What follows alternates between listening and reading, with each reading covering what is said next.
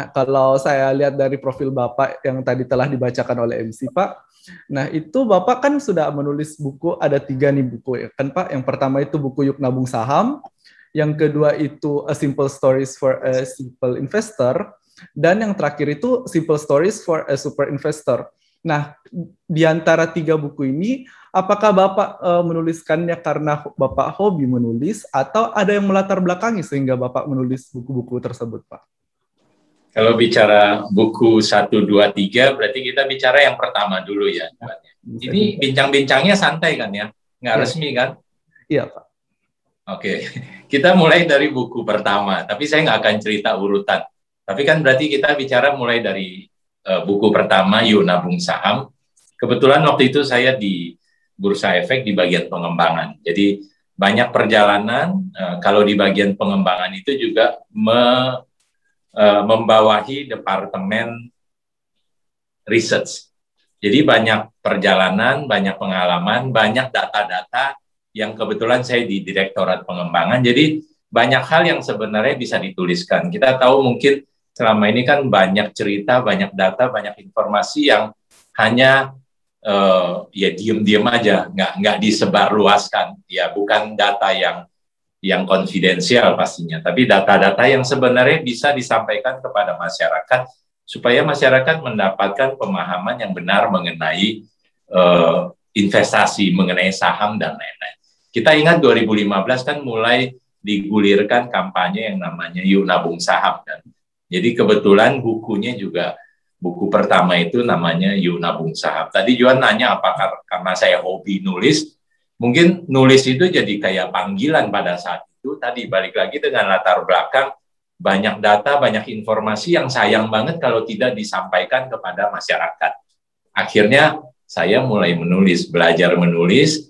Eh, kebetulan juga media massa beberapa koran itu Eh, berbaik hati untuk memuat cerita-cerita itu di atau artikel-artikel itu tulisan-tulisan itu di koran. Jadi begitu mulai masuk koran dan lain-lain ya ada satu saat sedemikian banyak tulisan itu dan akhirnya bisa di dijilid lah, di, dijadikan satu buku uh, dari Gramedia, Alex Media uh, berbaik hati untuk membuat itu menjadi satu buku. Itu buku pertama. Kemudian ya ke kegemaran menulisnya terus berlanjut. Kebetulan saya punya blog juga uh, nikihogan.com. Jadi kalaupun waktu itu saya sudah tidak di bursa ya ada blog yang tempat saya bisa menulis lebih sering seperti itu. Jadi ya itu hobi tapi juga panggilan bukan panggilan kali ya. tapi hobi tapi juga banyak hal-hal yang sekali lagi bisa kita sampaikan kepada uh, masyarakat lah. Kira-kira begitu Juan. Waktu Bapak menulis itu, Bapak menargetkan bukunya itu untuk siapa saja, Pak? Mungkin ke masyarakat luas atau terkhususkan, Pak? Misalnya uh, mungkin ke masyarakat yang belum mempunyai akun saham, Pak? Pastinya memang kepada seluruh masyarakat, tapi uh, awalnya mungkin lebih kepada masyarakat yang belum mengenal saham, belum mengenal investasi. Balik lagi, kalau kita uh, flashback ke lima tahun lalu, 2015 dan sebelumnya, orang kan begitu dengar nama saham investasi kan persepsinya sudah sudah yang negatif, sudah yang mahal, sudah yang yang jelimet kan kayak gitu kan. Jadi lebih kepada untuk apa ya literasi edukasi kepada masyarakat umum bahwa investasi begini loh, saham itu begini loh, pasar modal itu begini loh, data-data yang ada tuh begini seperti itu. itu lebih kepada calon investor atau kepada masyarakat umum. Tapi dalam perjalanan waktu, buku kedua, buku ketiga, akhirnya bukan lagi melulu kepada para uh, calon investor, bosen yang investor yang sudah terbiasa atau sudah jadi investor kalau baca baca yang terlalu ringan kan uh, jadinya bosen juga. Jadi akhirnya lebih banyak lagi menulis ke hal-hal yang terkait mungkin lebih kepada pola pikir, kepada psikologi, kepada bagaimana sih harus bersikap sebagai seorang investor. Jadi begitu perjalanannya seperti itu Juan. Kalau boleh tahu lagi Pak, uh, waktu Bapak apa sih yang melatar belakangi Bapak sehingga Bapak terjun ke dunia investasi Pak, terkhususnya di pasar modal Pak? Ya, pastinya saya tahun berapa ya? 98. belum belum lahir kan Juan 98 oh, belum oh belum lahir oke okay. uh, 98 saya kebetulan saya kerja di satu perusahaan sekuritas pada saat mulai krisis. Pada saat itu ada krisis Juan uh, saya mulai kerja di perusahaan sekuritas. Nah pada saat itu akhirnya mengenal yang namanya saham investasi dan lain-lain. Uh, berkarir di sana dan juga merasa bahwa oh ternyata ada loh uh, mesin atau ada tools atau ada uh, sebenarnya instrumen sarana di mana saya bisa uh, me membiarkan membiarkan istilahnya ya, membiarkan uang saya supaya daripada hanya taruh di tabungan walaupun pas-pasan tapi daripada di sana saya mungkin bisa lebih aktifkan di investasi. Jadi uh, berjalannya waktu ya seperti itu. Saya tidak se seberuntung Juan dan teman-teman semua yang waktu kuliah sudah bisa mulai jadi investor. Dulu kan bahkan tahun 98 mulai jadi investor pun setoran 100 ribu mah nggak dianggap sama perusahaan sekuritas. Minimal harus 25 juta pada saat itu. Jadi kalau sekarang bisa 100 ribu buka rekening mah itu sudah sudah semesta mendukung banget untuk anak-anak zaman sekarang. Uh, kalau boleh tahu nih Pak, uh, kan kita sebagai investor muda itu um, kebanyakan terjun waktu uh, corona Pak, Se uh, waktu pandemi ini kan Pak. Nah sehingga uh, banyak yang disebut juga sebagai angkatan corona Pak. Hmm. Menurut Bapak, um, bagaimana sih pandangan Bapak mengenai uh, terjunnya anak-anak muda, investor muda ini ke uh, dunia pasar modal Pak? Apakah dapat uh, membawa dampak yang positif atau malah negatif Pak? Kalau bicara dampak positif, pasti ada dampak positifnya. Kan sekarang kita lihat transaksi sedemikian besar, ya kan transaksi sudah belasan triliun, sempat puluhan triliun seperti itu. Uh, kemudian frekuensinya juga tinggi kalau teman-teman di regulator bisa menunjukkan bahwa data sekarang jumlah investor uh, ownership kepemilikan saham di bursa itu kalau dulu selama ini selalu lebih banyak dipegang oleh investor asing, sekarang sekitar 51-52 persen itu dimiliki oleh investor domestik. Itu kan data-data yang bagus lah, transaksi besar, ya otomatis uh, buat negara juga menyenangkan karena ada unsur pajak di sana, ya kan. Tadi kepemilikan lebih besar, daya tahan terhadap goncangan asing. Kalau asing dulu kan selalu identik dengan oh kalau dia keluar turun dan kalau mereka masuk beli indeks naik. Sekarang kan kelihatannya jauh lebih sedikit dampak itu terhadap uh, pasar kita. Ya, itu itu sisi positifnya. Tapi sisi negatifnya juga saya tidak tahu apakah transaksi sekian belas triliun setiap hari itu itu anak-anak milenial bukan milenial apa dari generasi corona itu bertransaksi dengan persepsi yang yang benar ya kan kita hmm. boleh katakan bahwa yang luar biasa lebih dari 70 persen, 80 persen investor Indonesia itu umurnya di bawah 35 atau 40. 80 persen, luar biasa kan. Kalau sekarang jumlah investor saham ada 2 juta, pasar modal ada 4 juta, itu 80 persennya adalah milenial. Itu kan angka yang yang menakjubkan. Uh, luar biasa untuk perkembangan beberapa tahun terakhir seperti itu. Tapi balik lagi, apakah generasi corona uh, masuk sebagai investor dengan pemahaman yang betul, bukan hanya gara-gara lagi hype, yeah. ya kan? Medsos isinya orang-orang yang cuan, yang untungnya ratusan juta, ratusan persen seperti itu, membuat istilah kamu apa FOMO, gitu. FOMO ya, ya betul ya, FOMO yang akhirnya semua milenial atau banyak milenial jadi jadi tertarik untuk mulai mulai masuk, saya nggak mau memakai kata investasi, saya takut itu tidak didapatkan pemahaman yang benar pada saat itu.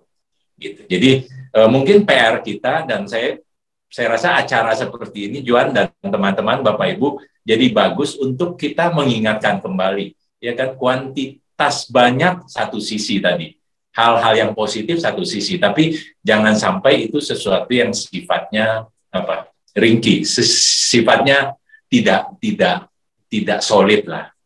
Begitu Juan. Ya. Nah, kan uh, seperti yang Bapak bilang tadi ada uh, kebanyakan itu uh, anak-anak yang terjun ke dunia pasar modal itu kan fear of missing out, Pak. Memang se memang seperti itu, Pak. Nah, Uh, menurut Bapak, apakah uh, mereka itu anak-anak yang fear of missing out ini yang harus terus mengikuti tren, uh, mempunyai mental yang cukup kuat, Pak, untuk uh, terjun ke dunia pasar modal, mengingat mereka terjun tanpa pembelajaran yang uh, pembelajaran yang intensif terlebih dahulu, Pak, mengenai pasar modal, Pak. Apakah justru malah jadi uh, makanan bagi investor senior atau menurut Bapak dapat bertahan lama, Pak, di uh, dunia pasar. Jadi istilahnya apa? Makanan, Makanan bagi investor senior ya. ya. Istilahnya itu ya. Oke. Okay. Uh, teman-teman kita tahu lah kalau uh, kalau kita bicara konteksnya medsos, medsos kan selalu identik dengan sesuatu yang wah, sesuatu yang cakep-cakep. Saya nggak pernah posting foto saya, foto jelek saya yang saya posting. Ya kan foto saya selalu yang cakep-cakep yang saya posting di medsos saya. Sama kan, orang-orang yang mengatakan bahwa dia untung sekian ratus persen, sekian ratus juta, jangan-jangan dia rugi ratusan persen atau bahkan lebih banyak daripada itu. Jadi kita teman-teman harus pintar-pintar, teknologi satu sisi lah, teknologi positifnya pasti banyak, kita setuju lah, nggak usah di, diuraikan. Tapi negatifnya juga banyak bahwa begitu banyak tadi hal-hal yang disampaikan yang nanti efek FOMO-nya itu membuat kita jadi bias, kita jadi tidak bijak untuk mulai memilah-milah itu. Jadi saya kembali jualan ke konteks awalnya, pada saat kita mau memulai menjadi investor, itu yang harus kita selalu ingat. Apa sih tujuan kita? Waktu kita buka rekening saham, waktu kita buka rekening di sekuritas itu, tujuan kita apa sih? Kalau tujuan kita karena pengen kaya mendadak, pengen habis ini nggak usah kuliah lagi karena ternyata bisa hidup dari saham, hati-hati. Nanti kuliah nggak beres, uang juga nggak dapat. Bisa seperti itu ya. Tapi kalau pemahaman yang benar bahwa, oh oke, okay, saya buka rekening karena saya mau jadi Warren Buffett Indonesia. Saya mau memulai investasi dari usia muda. Ya kan seperti itu. Walaupun dalam perjalanan pastilah, pasti banyak hal seperti ya tadi misalnya pasar naik turun dan lain-lain. Tapi pemahaman yang benar itu jadi hal yang mutlak untuk itu. Kalau enggak nanti akhirnya ya tadi balik lagi. Rekening-rekening itu atau investor-investor corona itu uh, akan kecewa. Kalau istilah saya kapok. Waktu itu saya nulis kapok terhadap kondisinya tiga bulan pertama 2021 ini mungkin jadi satu ujian yang menarik untuk kita semua Iya kan? Tahun lalu mah semua happy dong. Begitu beli saham naik, beli saham naik, semuanya happy. Tapi tiga bulan ini termasuk hari ini, kayaknya hidupnya lagi lagi menderita semua, hidupnya lagi nggak enak semua, ya kan? Tapi ini adalah ujian sebenarnya terhadap uh, kita kalau kita benar uh, masuk ke pasar sebagai seorang investor atau at least punya pemahaman yang benar. Pun kalau sebagai seorang trader, saya nggak bilang tidak boleh jadi trader, tapi pada saat masuk dengan pemahaman yang benar, itu adalah kunci utamanya. Nah, kalau misalnya kita lihat Pak, sekarang kan itu banyak beredar Pak kayak uh, grup stock pick stock pick. Nah, uh, kebanyakan grup stock pick itu tidak memberikan analisis analisis yang jelas Pak mengenai uh, salam rekomendasinya atau uh, tidak memberikan kayak alasan mengenai uh, mengapa kita harus membeli saham tersebut. Nah, kebanyakan mereka cuma menargetkan kayak belinya pada harga berapa, harga berapa, take profitnya pada harga berapa, cut lossnya pada harga berapa, Pak. Menurut Bapak, bagaimana sih pandangan Bapak mengenai hal ini?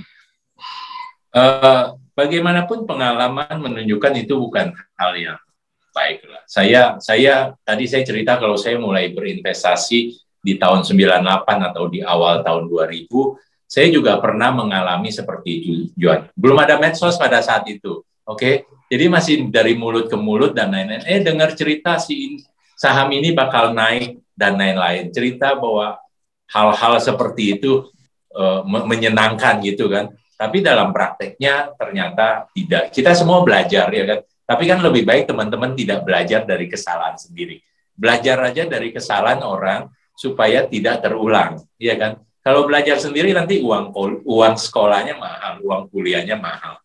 Jadi balik lagi rasanya sih kita tidak bijak kalau kita beli saham hanya karena dengar si A beli di sekian dan target jualnya sekian. Dasar kita apa sih?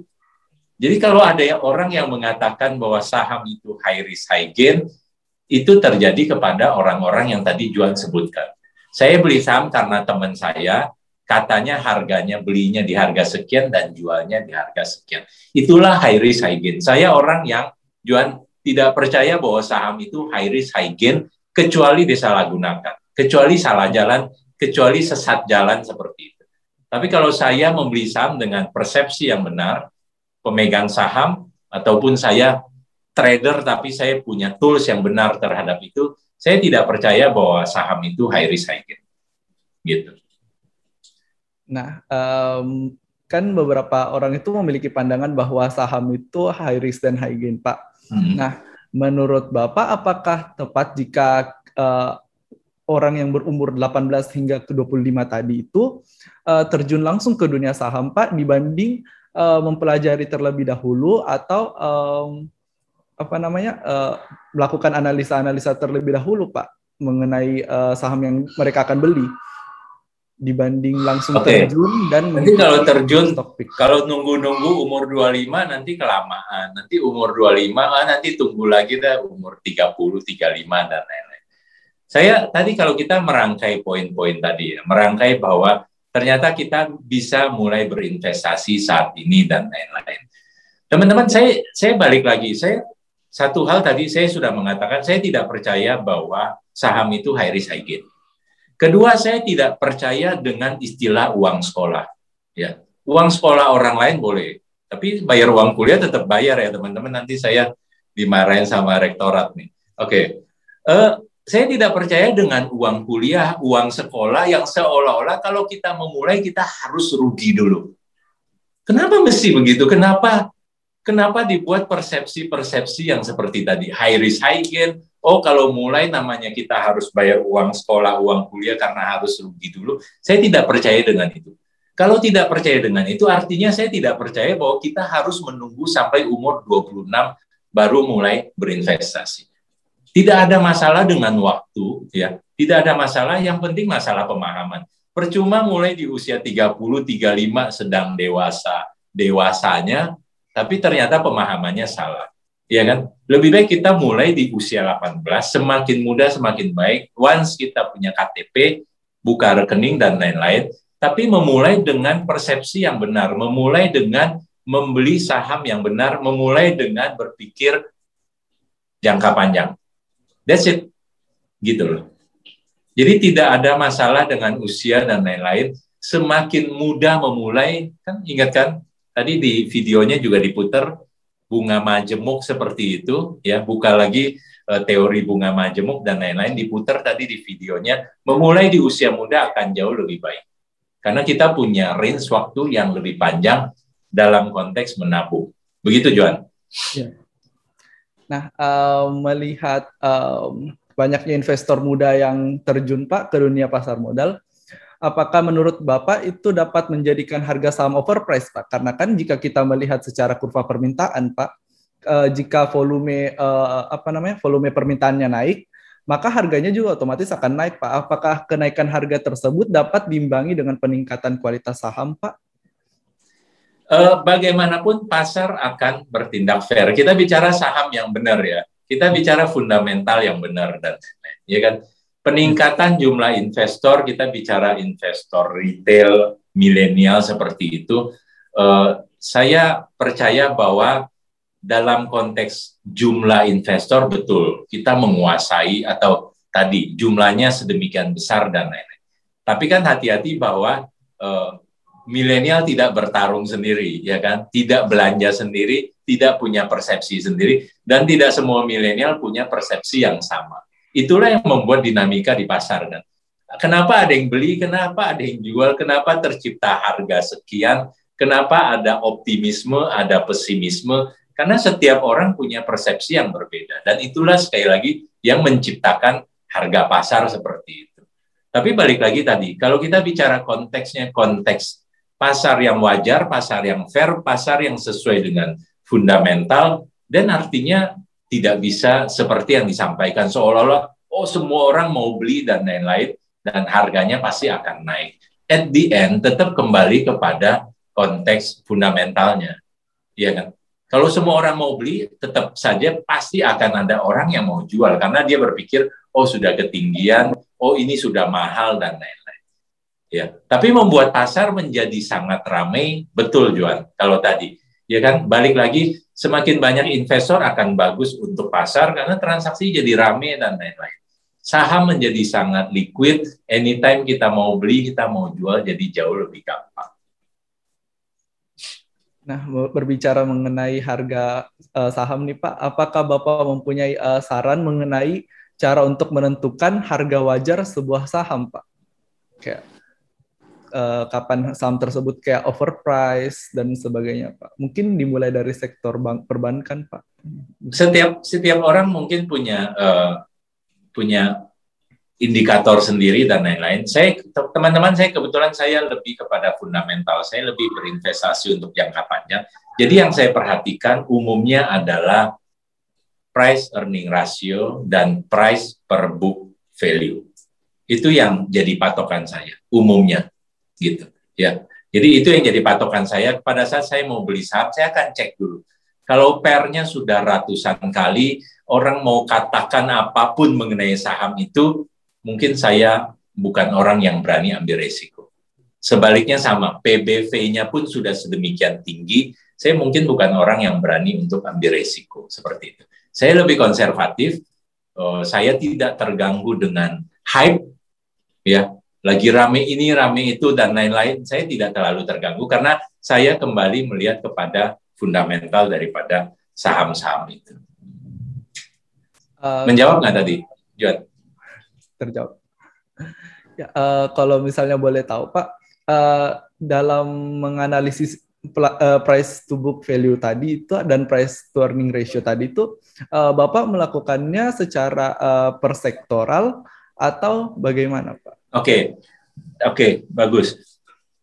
Saya lebih melihat kepada, oke okay, teman-teman dari 700 lebih saham, maafkan kalau saya katakan bahwa saya lebih percaya kepada saham-saham big cap saham-saham blue chip, saham-saham yang ada di LQ45 atau atau di Jakarta Islamic Index atau yang lebih kecil di high dividend seperti itu.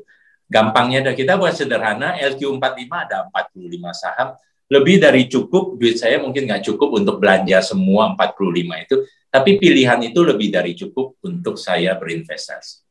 Oke, dari 45 nggak mungkin nggak ada yang tadi rasionya kelihatannya masih oke okay, menarik untuk dibeli seperti itu. Oke okay lah, kalaupun akhirnya LQ45 enggak masuk ke second liner dan lain-lain. Tapi tadi Johan pertanyaannya apakah saya melihat ke sektor? Saya mungkin katakan saya tidak terlalu sensitif dengan sektor. Yang saya sensitif adalah tadi indikator rasio PER dan PBV-nya. Saya lebih concern dengan itu daripada konteks sektornya. Gitu. Uh, saya pernah mendengar Pak, uh, ini dari komen-komenan Instagram juga Pak, berhubung saya yeah. seorang milenial. Nah, mereka mengatakan kalau misalnya saham blue chip itu sudah terlalu tinggi Pak, maksudnya sudah sampai di langit Pak, sehingga susah untuk naik lagi Pak. Justru mereka cuma bakalan stabil pada tempatnya Pak. Apakah uh, begitu Pak menurut pandangan Bapak atau adakah pandangan Bapak yang lain? Apa yang dimaksud dengan tinggi sudah di langit seperti itu? ya kan? Apakah harganya sudah terlalu tinggi? Kita bedakan harga saham dan mahal tidaknya bukan dari patokan absolut angka ya. 30 ribu mahal nggak tentu juga. Buat saya 30 ribu tidak mahal kalau pernya misalnya di bawah 10. PBV-nya di bawah 2 atau di bawah 3. Misalnya 30 ribu itu bukan, jadi balik lagi bukan angka 30 ribu itu mahal atau tidak, ya kan? Tapi harga saham yang 150 perak tapi pernya 100 kali, PBV-nya 50 kali, itu yang mahal. Jadi bedakan antara mahal yang benar dengan harga tinggi. Oke? Okay? Dan yang paling salah di antara kita semua adalah kita selalu melihatnya harga saham. Kita selalu berpikir, oh membeli saham yang 10 ribu paling bisa naik 10 persen. Jadi 10 ribu jadi 11 ribu aja kelihatannya susah banget 10 persen. Beli dong saham yang 100 perak. Naik 150 aja kita udah untung 50 persen. Selalu yang dilihat seperti itu. Boleh sih mimpi cuan 50 persen, tapi hati-hati dengan tempat kita menaruh mimpi itu betul atau enggak. Di saham yang betul atau tidak. Ya, jadi balik lagi tidak itu itu totally saya boleh katakan totally keliru, Juan, gitu loh. Bukan itu yang dilihat. Ya kita kita kan kita mestinya cukup, apalagi teman-teman. Uh, saya percaya kita semua kalau yang yang sedikit banyak ngerti ya kuliah dan lain-lain kan kita tahu bahwa nggak semudah itu atau nggak se so, sorry ya nggak sepolos itu kita menilai saham Sekali lagi persepsi itu yang sering salah. Saya punya uang 10 juta, saya nggak mau beli saham apa BCA. BCA sekarang 30 ribu deh anggap. Karena beli BCA cuma dapat tiga lot, saya malu sama Juan punya saham cuma tiga lot. Mendingan saya beli saham yang harganya 500 perak supaya saya bisa show ke Juan, oh saya punya 200 lot di sana, ya Juan cuma punya tiga lot gitu. Padahal sahamnya totally beda gitu loh. Itu yang sering salah dipersepsikan. Nah, eh, berhubung mengenai eh, pamer-pamer seperti itu, Pak, pamer-pamer portofolio, saya ya. sering kali menemukan banyak influencer saham, Pak, memamerkan eh, portofolionya, tetapi eh, nominal lotnya dan sebagainya, harganya itu dia sensor, Pak. Nah, yang ditunjukkan hanya bagian persennya, Pak. Nah, eh, menurut Bapak eh, itu berdampak bagaimana sih Pak? Kayak uh, apakah itu mempunyai dampak yang negatif atau positif? Saya saya nggak tahu saya nggak tahu trennya seperti itu atau tidak bahwa oh saya membeli saham untung besar dan saya posting di di, di medsos seperti itu. Atau saya seorang selebriti influencer dan saya pom pom saham seperti itu. Saya nggak tahu itu tren baru seperti apa yang terjadi. Tapi apa pun itu, saya harus katakan bahwa saya tidak, saya meragukan meragukan hal-hal seperti itu. Ya, saya saya pernah nulis Juan, jadi Juan coba cek-cek tulisan lama saya saat pada saat pom pomers itu pada saat orang-orang itu show off seperti itu, mungkin saya sih tidak peduli dengan mereka. Saya lebih peduli dengan kita-kita para investor yang jangan sampai terpompong. Jangan sampai terpengaruh dengan itu. Orang-orang seperti itu akan selalu ada. Nggak bisa dilarang juga kan. Mungkin nanti regulator dah yang melarang. Tapi kita-kita yang harus bijak, kita-kita yang harus pintar untuk itu. Boleh aja lah mimpi untung ratusan juta dan lain-lain. Tapi tetap injak bumi dong. Ya kan masa kita mempercayakan uang kita yang kita susah-susah minta ke orang tua, kita susah-susah jualan online, terus kita belikan saham yang katanya si A, si B, si C bisa untung sekian persen. Nggak, nggak bijak banget kita terhadap diri kita sendiri. gitu. Jadi sekali lagi nggak ada cerita teman-teman orang kaya mendadak, orang kaya instan dari bursa, dari saham, nggak ada. Ya kan? George Soros kan bilang investing is boring kok. Bosanin kok menjadi investor itu bosan, membosankan. Kalau itu banyak funnya dan lain-lain, hati-hati. Jangan-jangan funnya ada tapi duitnya yang nggak ada. Gitu. Nah, um, saya juga pernah membaca nih Pak dari komenan Instagram. Katanya yeah. Uh, kalau mau cepat kaya, kita harus ngerti bandar, bukan ngerti sahamnya Pak. Bagaimana sih pandangan Bapak? ya, Oke. Okay. Makanya kan balik lagi. Oke, okay kita kita tidak atau kita sebaiknya tidak mengajarkan kepada masyarakat kepada investor konsep high risk high gain.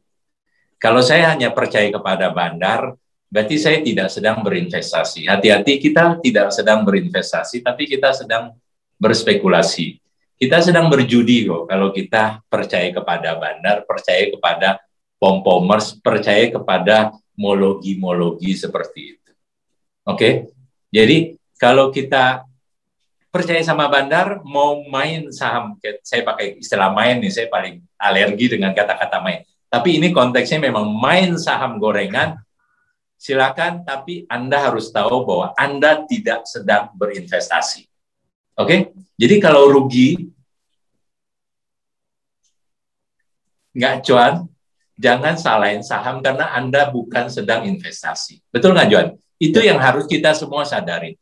Boleh aja orang bilang, enggak, gue mau, gue nggak peduli dengan fundamental, gue nggak peduli dengan teknikal, gue lebih peduli dengan bandar ini, dengan aliran ini itu teman ini dan itu silakan. Tapi harus kita tahu bahwa kita tidak sedang berinvestasi. Jadi kalau kapok, kalau kalah, ya kalau rugi, jangan salah-salahin saham. Kesian banyak orang yang butuh saham untuk bisa mendapatkan penghasilan lebih yang benar uh, berbicara mengenai rugi nih Pak, uh, hmm. saya agak penasaran atau mungkin juga mungkin para peserta juga penasaran Pak. Apakah selama Bapak berinvestasi, Bapak pernah mengalami kerugian Pak? Ya pernah lah, masa enggak? Pernah. Oke, okay. nah. saya pernah rugi. Pernah karena dengar teman, oh saham ini bakal naik. Tadi saya cerita di awal dan saya ikut-ikutan beli. Ternyata bohong. Oke, okay? jadi zaman pom-pomers mah bukan bukan hanya sekarang aja kok pom-pomers itu sudah ada sebelum zaman medsos. Tapi pom-pomnya nggak sekenceng sekarang karena ada medsos. Oke, okay? jadi itu selalu akan terjadi, akan ada dan selalu akan terjadi. Jadi kalau saya rugi, saya pernah mengalami itu, Johan. Teman-teman saya pernah rugi, ya kan? Tapi saya harus tahu bahwa oke, okay, saya harus belajar untuk itu.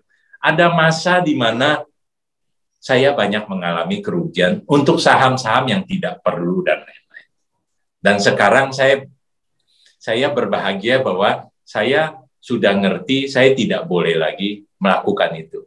Tadi balik lagi di awal teman-teman, jangan biarin saya yang bayar uang kuliah. Biar saya yang bayar uang sekolah. Kalian semua dengar untuk kalian tidak perlu bayar uang sekolah, bayar uang kuliah. Oke? Tapi sekarang saya sudah bisa menikmati hasil investasi. Rugi saya nggak ada, nggak seberapa dibandingkan dengan untung saya. Misalnya seperti itu, John. Saya tidak lagi mau mendengar saham atau omongan orang ini itu dan lain-lain. Oh lagi hype ini, oh lagi ngetrend ini dan lain-lain. Saya tadi kembali, saya orang yang sangat konservatif dan kalau ada orang mengatakan dia bisa cuan lebih banyak dari saya, satu saat saya ajak dia buka-bukaan deh John. Wih, seperti itu. Fundamental membeli saham blue chip tadi kan di awal atau tadi kan Juan sempat bilang seolah-olah blue chip itu tidak bisa memberikan keuntungan tinggi. Siapa bilang blue chip bisa kasih keuntungan 50% dalam waktu satu tahun. Kemarin krisis terjadi misalnya atau lebih dari 50% makan seperti itu. Jadi jangan terlalu banyak dengar omongan yang nggak jelas, lebih baik buktikan sendiri atau belajar atau dengar dari orang-orang yang lempeng Nah, berbicara mengenai kerugian nih Pak, selama Bapak rugi itu Bapak melakukan metode apa saya? Mungkin kayak cut loss atau ada hal lain? Iya, saya harus katakannya cut loss. Artinya ya memang saya harus jual. Balik lagi, pada saat kita mau memutuskan sesuatu, kita kan harus ingat ya. Pada saat saya beli saham itu, saya ingat saya cuma dengar si A kok bilang. Si A bilang bakal naik ini, tapi tidak jadi kenyataan, dan saya harus rela untuk cut loss. Gue dibohongin dah. Gue dimakan sama si investor senior. Tadi kamu istilahnya gitu ya. Gue dimakan sama investor senior dan seperti itu. Jadi saya harus tahu diri seperti itu. Tapi di saat lain, pada saat saya membeli saham dengan tujuan benar, saham benar, saya juga bisa bertahan tanpa harus cut loss. Gitu, John. Artinya saya beli saham memang untuk tadi, oh saya sudah analisa misalnya tadi hitungan murah, BI, PBV, dan saya simpan untuk jangka panjang, krisis apa pun tidak akan mempengaruhi saya. Tiga bulan ini saya baik-baik saja, hidup saya baik-baik saja. Mungkin sebagian orang stres karena harga sahamnya sedang turun, tapi saya banyak kerjaan lain yang saya bisa lakukan daripada hanya meratapi, ngeliatin saham merah melulu setiap hari kayak gitu um, berbicara kerugian, berarti uh, apakah Bapak pernah juga mengalami ARB, Pak? Oh, ARB pernah lah. Pernah ARB, mah. ARB pernah, ya pada saat harus jual ya kita jual. Pada saat bisa jual kita jual. Tapi rasanya itu cerita, udah cerita lama lah. ARB rasanya tahun lalu juga banyak saham ARB kan. Ya Pak. Jual. Pada saat krisis kan, pada saat pandemi, bulan apa? Waktu saham turun sampai di bawah 4.000 indeks, itu kan semua saham juga sebagian besar ARB, termasuk saham-saham blue chip sekalipun ARB.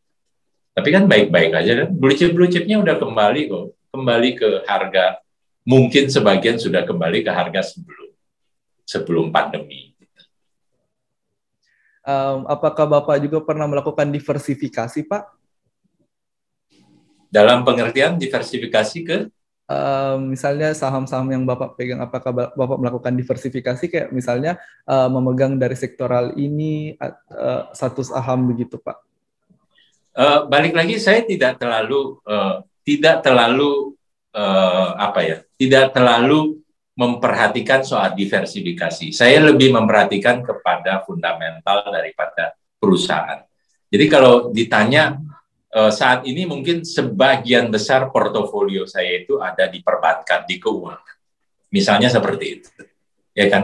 Ya itu kalau bicara diversifikasi ya mungkin ada orang yang merasa oh itu terlalu besar di satu sektor seperti itu. Tapi balik lagi saya tidak terlalu memperhatikan soal sektoral, soal diversifikasi, tapi saya lebih melihat, oh saham ini bagus perusahaannya, syukur-syukur ada di LQ45, blue chip, tapi kok harganya masih murah sih, PI-nya kok masih di bawah 20, di bawah 15, PBV-nya pun masih murah, dan lain-lain. Itu yang jadi lebih kepada uh, apa ya, uh, fokus saya, Johan. Uh, berbicara mengenai investasi, apakah Bapak uh, cuma berinvestasi di saham tersendiri atau Bapak melakukan uh, investasi di metode yang lain, Pak? Misalnya mungkin emas, tanah, ETF atau reksadana dan sebagainya, Pak? Saya saya punya ya punya emas lah satu dua. Ada emas emas kawin ini. Ada, ada emas ada uh, rumah. Ya saya tinggalin di rumah sendiri. Kebetulan tidak perlu kontrak tidak perlu bayar sewa. Cicilannya sudah selesai dan lain-lain. Uh, saya juga punya reksadana saya punya ETF juga kebetulan waktu di bursa efek jual di 2015 sampai 2018 karyawan bursa itu dilarang untuk membeli saham sampai saat ini ya tidak boleh beli saham selama jadi karyawan supaya tidak ada konflik kepentingan saya nggak mau rugi dong, saya tetap mau berinvestasi. Uang gaji saya sayang kalau nggak diinvestasikan. Jadi saya pada saat itu beli reksadana, saya beli ETF yang sampai saat ini masih dipegang. Jadi diversifikasinya dalam konteks seperti itu. Tapi kalau ditanya, saya sih maunya sebagian besar dana saya akan lebih banyak berat kepada saham, dikelola sendiri seperti itu. Uh, menurut Bapak jika kita sebagai investor muda itu uh, sebaiknya um, berinvestasi pada saham langsung atau uh, menurut Bapak uh, reksadana itu sudah cukup untuk berinvestasi? Kalau namanya investor muda mah untuk untuk berinvestasi langsung sebenarnya saya percaya semua orang bisa uh, tidak ada yang sulit kan. Sekarang kan pemahaman mengenai saham dan lain-lain kan sudah sedemikian mudah kan. Teman-teman di di uh, rasanya di di medsos dan lain-lain kita bisa dapatkan data informasi dengan dengan mudah juga. Tapi data informasi yang betul. Uh, sorry suara saya aman, Johan? Ya Pak. Aman ya. Ke freeze nggak sih? Saya saya rasa mudah-mudahan aman ya. Saya lanjut ya. Oke, okay. jadi balik lagi kalau mau berinvestasi, uh, saya sih tidak merasa bahwa saham itu sesuatu yang sulit untuk dipelajari oleh mahasiswa, oleh milenial, bahkan oleh siapa pun. Tapi namanya pilihan, oke okay lah. Uh, mungkin ada yang merasa lebih tenang, ya sudah belikan reksadana, atau mungkin lebih baik juga di tadi kalau balik ke konteks diversifikasi, oh ada yang saya beli sendiri, Oke, okay? dan ada yang saya coba deh percayain sebagian kepada uh, eh, MI untuk dikelola dalam bentuk reksadana. Ya, tapi memulai berinvestasi sendiri menjadi investor beli saham sendiri, saya percaya itu bukan hal yang sulit kok. Kayaknya dari tadi kita bicara sejam kan ada sejam, uh, rasanya tidak ada yang sulit untuk kita uh, kita bisa lakukan sendiri. Gitu. Um, saya pernah mendengar Pak dari uh, teman-teman kampus saya. Um, katanya kalau kita menabung saham itu uh, sebaiknya waktu punya penghasilan yang besar Pak, karena soalnya kalau waktu masih masih sekarang kan masih uh, ber, bukan lagi uh, berpenghasilan sedikit Pak, tapi memang tidak berpenghasilan, masih minta dari orang tua. Nah katanya kalau misalnya ber, uh, cuman uangnya dikit, itu nggak kerasa kalau naik turunnya begitu Pak. Jadi lebih baik katanya kita trial dulu Pak. Begitu. Bagaimana menurut pandangan Bapak? Ada satu uh, ada satu uh, komentar waktu itu saya juga suka-suka baca baca baca medsos juga Juan. Jadi ada satu komentar yang mengatakan begitu juga. Tapi lebih parah lagi seperti ini. Kalau cuma punya uang sedikit nggak usah investasi. Investasi nanti kalau punya uang sudah miliaran baru mulai menjadi investor. Sekarang kalau cuma punya uang di bawah 100 juta, nggak usah investasi, tapi trading aja deh. Trading lebih menghasilkan daripada investasi. Itu jauh lebih sesat lagi omongan seperti itu. Buat saya, itu omongan yang sesat banget. gitu ya. Jadi saya tidak merasa bahwa kita harus punya uang uang banyak terus baru mulai berinvestasi dan lain-lain. Uh, saya nggak tahu kok ada ada pemahaman-pemahaman atau pemikiran seperti itu. Ya kan yang tadi bahkan lebih buruk oh kalau punya uang sedikit lebih baik trading aja. Seolah-olah trading itu pasti untung seolah-olah ya. ya kondisinya seperti itu. Jadi kalau mengatakan oh kalau nanti udah punya uang banyak baru mulai investasi sekarang nggak usah lah. Ya memang betul uh, teman-teman sekarang masih kuliah mungkin baru dapat uang jajan syukur-syukur ada yang usaha online dapat tambahan dan lain-lain. Tapi saya percaya, saya kebetulan anak saya udah kuliah juga, Joan. Anak saya sudah kuliah, ya, dan uh, dia bisa berpikir untuk uang jajan itu kebetulan kalau dia bisa sisihkan atau dia pas dia lagi bisnis apa sama teman-temannya ada uang lebih dan dia bisa setorkan atau dia bisa belikan saham seperti itu. Jadi tidak ada cerita rasanya saya saya nggak saya nggak tahu itu cuma warga 62 doang yang berpikir seperti itu netizennya yang berpikir oh kalau punya uang besar aja nanti uang banyak baru mulai kuliah. Saya nggak ngerti pola pikir seperti apa. Baru punya uang kecil atau uang sedikit jangan mulai investasi.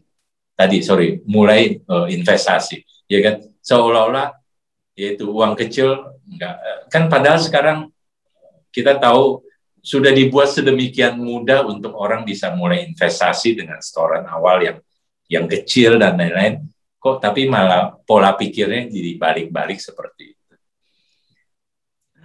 Nah, um, ada juga beberapa investor muda itu Pak yang tidak mau rugi, padahal kan setiap hal itu pasti punya resiko Pak. Nah, um, katanya uh, saham itu masih um, cenderung digoreng Pak. Nah, menurut pandangan Bapak, apakah um, saham uh, apa namanya pasar modal yang ada saat ini itu sudah berkembang Pak uh, dibanding dengan bertahun-tahun lalu dalam hal digoreng-goreng sahamnya Pak. Kalau tidak mau rugi harus semua jangan mau rugi dong. Kalau kita berinvestasi, kita beli saham dan kita rugi berarti ada yang salah dengan kita. Ruginya double gitu loh. Ya kita membeli saham, kita berinvestasi harus untung. Betul dong? Kalau rugi ya berarti salah. Kita salah melakukan investasi, salah memilih instrumen dan lain-lain. Tadi balik lagi, apakah saham dari dulu dari dulu sih saham udah digoreng. Ada selalu ada saham yang digoreng jual.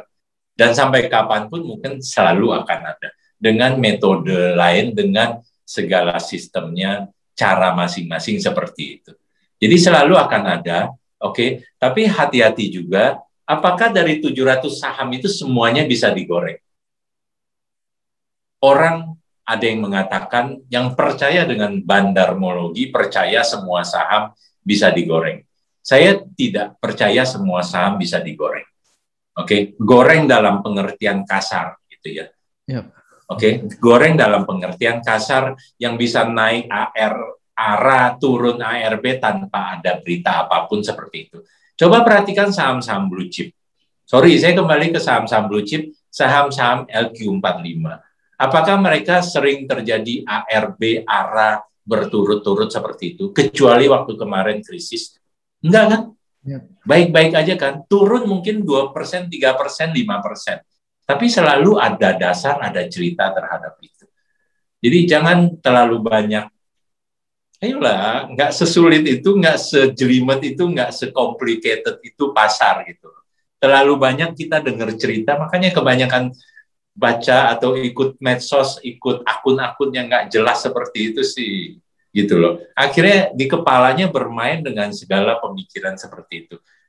Ayolah, beli saham, jadi investor, jadi pemilik perusahaan, beli untuk jangka panjang. That's it. Oke, okay? sesederhana itu.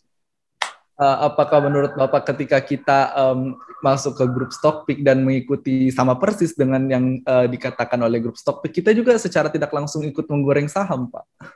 Kalau kita ikut menggoreng saham, enggak. Kita korban penggorengan, iya. Oh. kita nggak ikut goreng orang, kita ikut-ikutan, kita ngebebek, ya.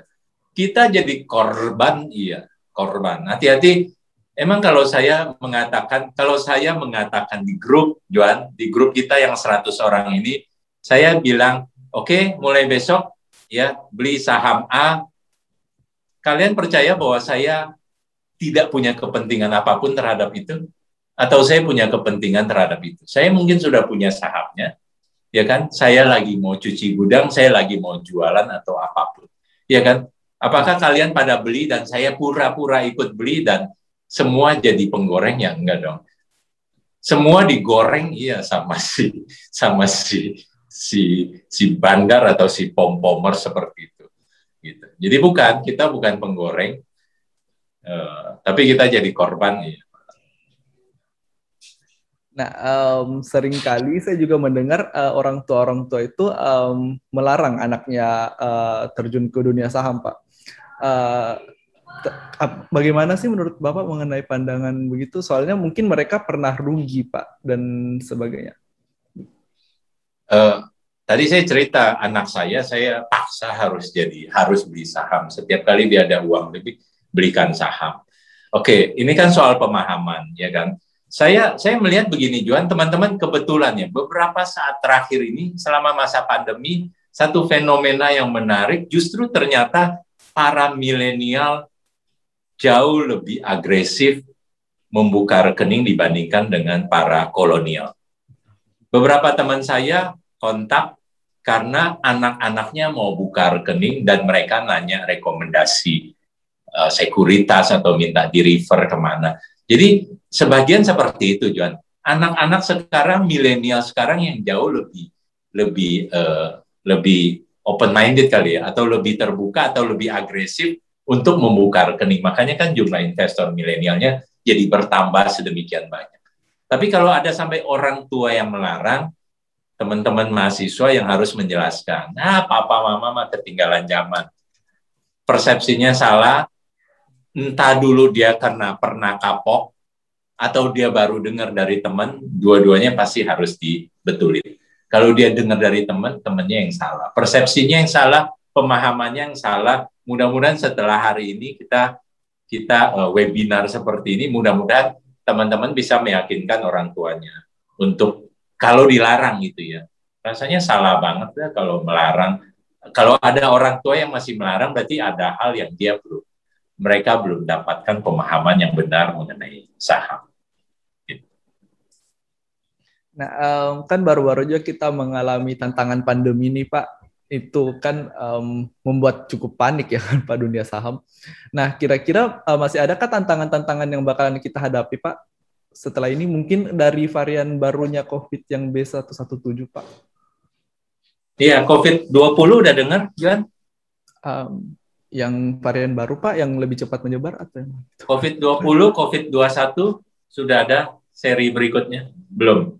Belum. Belum pernah dengar. Oke, okay. Uh, saya nggak tahu kalau varian baru itu seperti apa dan lain-lain. Uh, tantangan selalu ada. Mudah-mudahan kalau COVID ini udah selesai dan lain-lain, tapi kita juga harus tetap tetap apa ya, tetap memperhatikan bahwa segala sesuatu selalu terjadi lah, ya uh, dulu sekarang tahun 2021, 2020 tahun lalu, 2008 ada tantangan lain tidak dalam bentuk wabah virus penyakit, tapi tantangan lain dalam bentuk krisis keuangan, krisis moneter dan lain-lain. Tiba-tiba nanti ada perang ini itu dan lain-lain, harga minyak terganggu dan lain-lain harga. Jadi selalu akan ada seperti itu. Ya, selalu akan ada cerita seperti itu. Makanya para analis selalu punya cerita kenapa saham naik, kenapa saham turun. Selalu ada cerita mengenai itu. Oke, okay? Jadi kalau kita terlalu banyak memperhatikan, saya nggak bilang nggak boleh memperhatikan, tapi kalau terlalu mengikuti, terlalu akhirnya jadi parno sendiri. Oh takut ini, takut itu. Oh nanti kalau dulu waktu waktu zaman pilpres gitu, Juan. Oh nanti mau pilpres tunggu dulu deh. Nanti setelah pilpres baru saya mau mulai jadi investor. Setelah pilpres selesai, oh nanti tunggu dulu setelah 100 hari, bla bla bla. Akhirnya nggak mulai-mulai seperti itu. Jadi selalu akan ada cerita kalau kita tidak kalau kita memang tidak niat gitu loh. Emang nggak niat mah apa pun ya kan, apa pun yang kita lakukan kalau kita nggak niat kita selalu cari alasan. Jadi balik lagi, apakah akan ada krisis berikutnya, akan ada masalah berikutnya dan lain-lain? Rasanya selalu akan ada. Mudah-mudahan bukan dalam konteks pandemi dan lain-lain seperti itu. Tapi masalah akan selalu ada.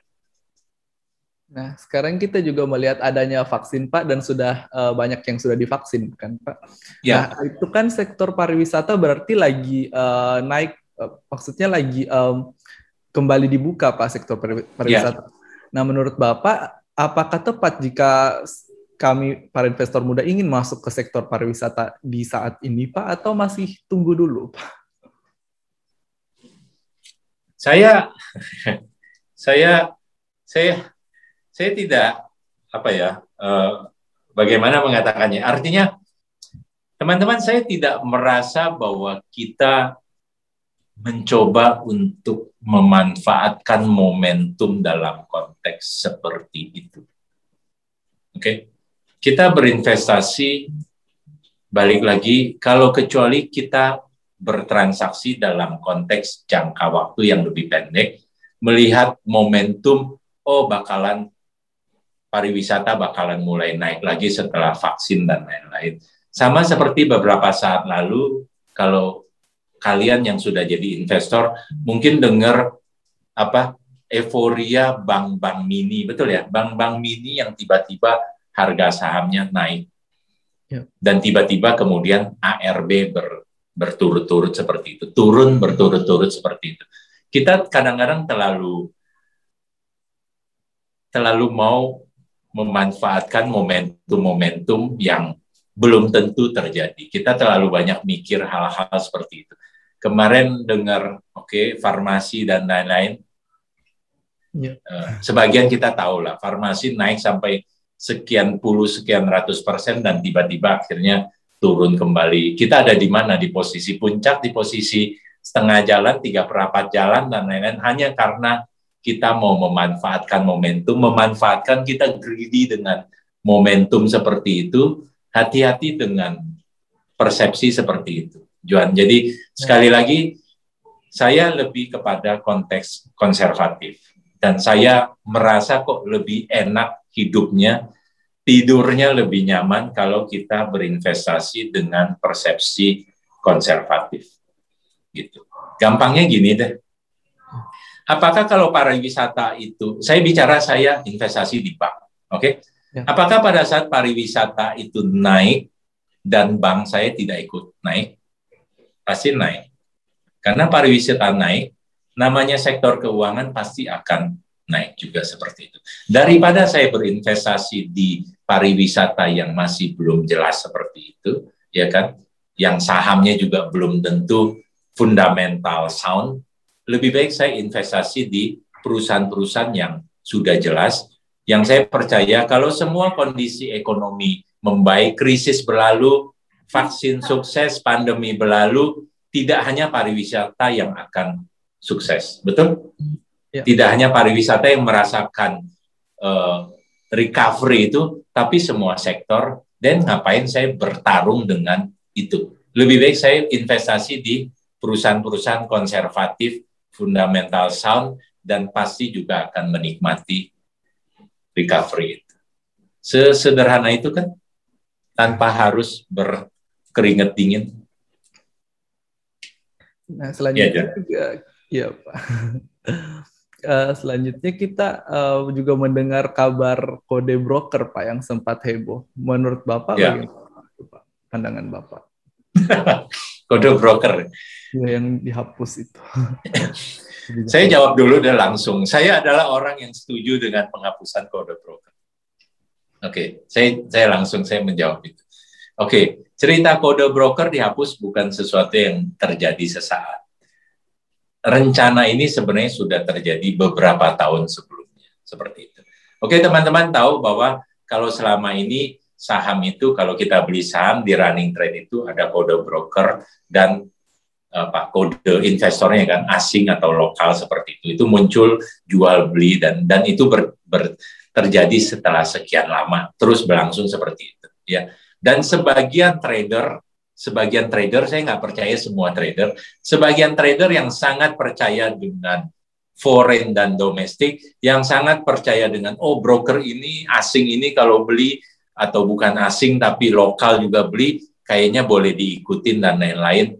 Kok ilmu dari mana saya nggak tahu. Rasanya cuma di Indonesia uh, orang membeli saham karena broker ini membeli saham karena kode asing atau lokal. Saya tahu di buku disebutkan lebih baik kita beli saham yang memang ada kendaraan besarnya. Oke, okay? ada kendaraan besar, ada institusi besar yang menjadi salah satu ownernya. Saya ngerti itu. Tapi tidak dalam konteks kita bertransaksi jadi mengikuti kapan dia beli kita ikut beli, kapan jual kita ikut jual. Itu bukan sesuatu yang mendidik investor. Ya kan?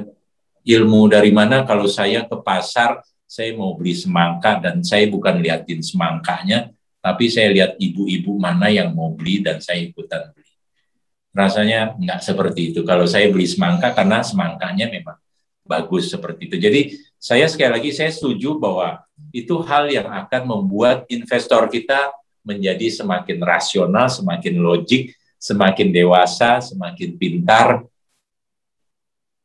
mencuci, memfilter ya para trader atau para pelaku yang tidak bertransaksi dengan cara yang seharusnya.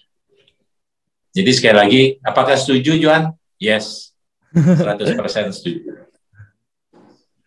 Nah, selanjutnya ada pertanyaan Pak. Jadi kan kami sempat buka uh, question box nih Pak di Instagram kelompok Pasar Modal Universitas yes. Makassar. Nah, um, pertanyaan yang paling pertama itu seberapa besar sih Pak dampak yang seharusnya dilakukan oleh kaum muda dalam menggerakkan ekonomi Pak? Sebenarnya kalau kita bicara konteks menjadi investor, positifnya balik lagi sangat positif lah ya. Kita kita lupakan yang tadi yang negatif ya, yang tadi segala tindak tanduk yang negatif. Tapi uh, menambah jumlah investor itu hal yang luar biasa. Menambah jumlah kepemilikan oleh investor domestik itu hal yang luar biasa. Kita tahu bahwa semakin banyak apa yang terjadi dengan semakin banyak investor bahwa akhirnya semakin banyak juga perusahaan yang mau go public. Betul kan? Daya serapnya jadi semakin tinggi. Apa yang terjadi dengan itu? Perusahaan-perusahaan besar akan go public. Market kapitalisasi Indonesia akan go public, akan lebih besar. Market kapitalisasi yang besar akan semakin dilirik oleh investor dunia seperti itu. Dan itu sesuatu hal yang positif kan. Jadi balik lagi, ayo milenial semua tetap harus uh, aktif ya. Artinya membuka rekening sekarang 4 juta, mudah-mudahan 1-2 tahun ke depan jadi 5 juta, 10 juta, dan lain-lain. Dan itu akan sangat berdampak positif terhadap keseluruhan. Tidak hanya terhadap pasar modal, seolah-olah oh transaksinya besar dan lain-lain. Tapi perhatikan efek domino daripada itu semua. Efek domino semakin banyak tadi perusahaan go public, perusahaan-perusahaan besar akan go public, dunia akan melihat bahwa pasar Indonesia sudah di level market kapitalisasi yang sudah masuk di radar investasinya. Dan itu luar biasa kan? Itu yang kita mau sebenarnya, ya kan? Jadi jangan sampai patah seumur jagung kan istilah istilah Juan gitu ya. Jangan ya. sampai seumur jagung baru masuk tahun depan gara-gara tiga bulan atau tiga bulan ke depan indeks turun terus dan mereka kapok-kapok tutup rekening dan akhirnya jumlah investor kita stay di sana. Kita nggak ke mana-mana. Rugi besar kesempatan yang harusnya momentum emas yang harus kita manfaatkan. Jadi tetap semua membuka rekening, aktif berinvestasi dan lain-lain dan ajak teman-teman, ajak keluarga, ajak papa mama yang ngelarang itu untuk buka rekening karena semakin besar pasar kita akan semakin baik untuk Indonesia, untuk ekonomi kita. Selanjutnya ada pertanyaan yang kedua, Pak. Itu sebagai investor muda, bagaimana sih caranya kita memilih jenis investasi yang cocok dengan kita, Pak? Mungkin ini mengenai profil resiko juga, Pak. Kalau kita percaya sekali lagi kalau saham itu bukan high risk high gain dan artinya saham adalah pilihan yang tepat. gitu. Pilihan yang tepat saya mau mengatakan bagaimanapun semua semua semua data banyak data menunjukkan bahwa oh return daripada tabungan, return tabungan deposito bukan investasi tapi kita bandingkan return dari tabungan, return dari deposito, return dari obligasi, return dari yang lain-lain dan saham ada di urutan yang paling tinggi untuk 10 tahun terakhir. Kemarin saya baru dapat data dari satu sekuritas uh, webinar seperti ini. Jadi dia tetap menunjukkan bahwa dalam 10 tahun terakhir saham itu memberikan return yang yang yang yang paling tinggi kira-kira seperti itu. Jadi ya balik lagi ya ya kita harus ya harus harus harus melihat semuanya kan kembali ke ke konteks data seperti itu. Sorry John, tadi menjawab nggak ya? Saya jadi lupa. Um, termasuk menjawab sih apa? Tadi pertanyaannya gimana? Saya takut. Uh, sebagai investor muda, bagaimana cara memilih jenis investasi yang cocok dengan kita? Oke, okay, sorry. Ya, tadi balik lagi saham adalah cocok. Saya selalu, saya harus mengatakan saham cocok. Saya bukan, saya bukan apa ya, saya bukan uh, tergila-gila dengan saham. Tapi saya hanya mau mengatakan semua data menunjukkan itu dan tidak ada satupun hal yang bisa menghalangi kita, membuat kita jadi takut terhadap itu selama kita di jalan yang benar. That's it gitu loh. Ya kan? Segala cerita jelek, cerita nggak benar di luar sana, terlalu banyak cerita yang salah, terlalu banyak cerita yang keliru mengenai saham. Kalau semua diperlakukan dengan benar, rasanya kita harus bisa atau kita bisa mendapatkan uh, manfaat lebih daripada investasi lain gitu. Tapi kalau mau investasi lain juga, ya ya tentunya monggo gitu. Tapi ya ya kita bicara konteksnya mungkin seperti itu sih. Mungkin kita beralih lagi ke pertanyaan selanjutnya, Pak.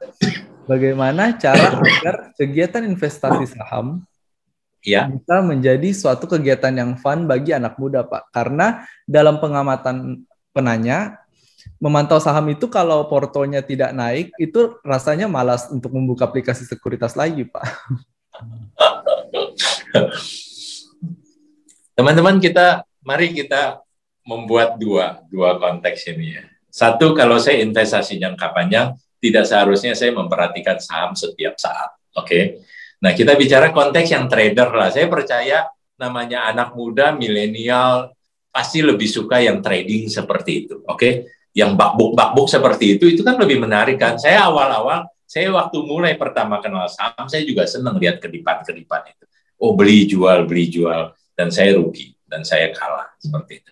Oke, balik lagi kalau kita mau menjadi seorang trader, jadilah trader yang benar. Iya kan? Ya. Trader yang benar itu adalah disiplin. Punya tools untuk itu, disiplin kapan harus jual, kapan harus beli dan saya tadi pagi, tadi siang baru baru uh, baru live juga. Satu hal yang kita sering lupa juga sebagai seorang trader, kita cuma ingatnya buy, sell, sama hold. Kita lupa dengan satu kata terakhir yaitu wait. Tunggu.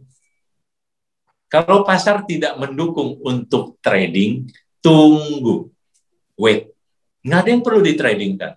Jadi jangan gatel, jangan ketagihan seolah-olah pagi buka saya harus beli, nanti sore saya harus jual, seolah-olah seperti itu. Jadi saya mau sharing yang tadi siang, buy, hold, buy, sell, hold, dan yang terakhir wait. Wait artinya ya sudah. Kalau memang jalanan itu nggak bisa kita nyebrang karena rame, ya udah berdiri di tempat nonton dulu aja seperti itu. Oke?